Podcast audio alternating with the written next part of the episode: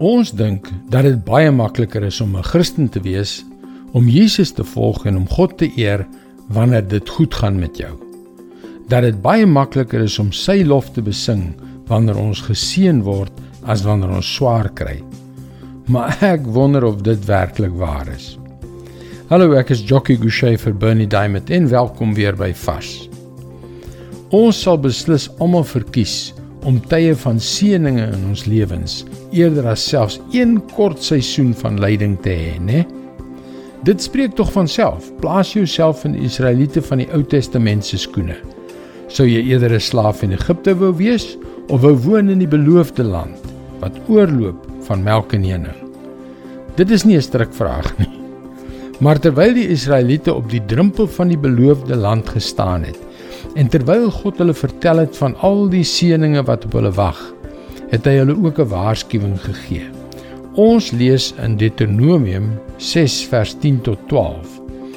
Die Here jou God sal jou bring in die land waarvan hy met 'n eed aan jou voorvaders Abraham, Isak en Jakob beloof het om vir jou groot en mooi stede te gee wat jy nie gebou het nie.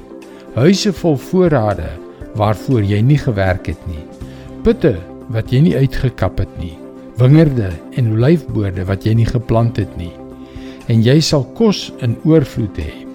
Maar sorg dat jy nie dan die Here vergeet wat jou uit Egipte, uit die plek van slawerny bevry het nie.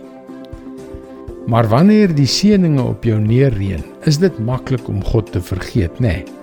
Dit is baie maklik om so meegevoer te raak deur die seëninge dat ons van die God wat ons uit die slawerny van ons sonde gebring het, vergeet. Wees dus versigtig. Moenie die Here vergeet nie. Dis sy woord vars vir jou vandag. Die beste manier wat ek vir jou kan aanbeveel om naby die Here te bly, is om hom toe te laat om jou deur seisoene van seën en van lyding te neem en voortdurend na sy stem te luister. Jy kan jou gebedsversoeke na ons gebedsspan by powerfulprayer.org stuur. Jy kan egter nog op die gewone webwerf varsvandag.co.za vir jou daaglikse vars boodskappe inteken. Mooi loop en luister weer môre na jou gunsteling stasie.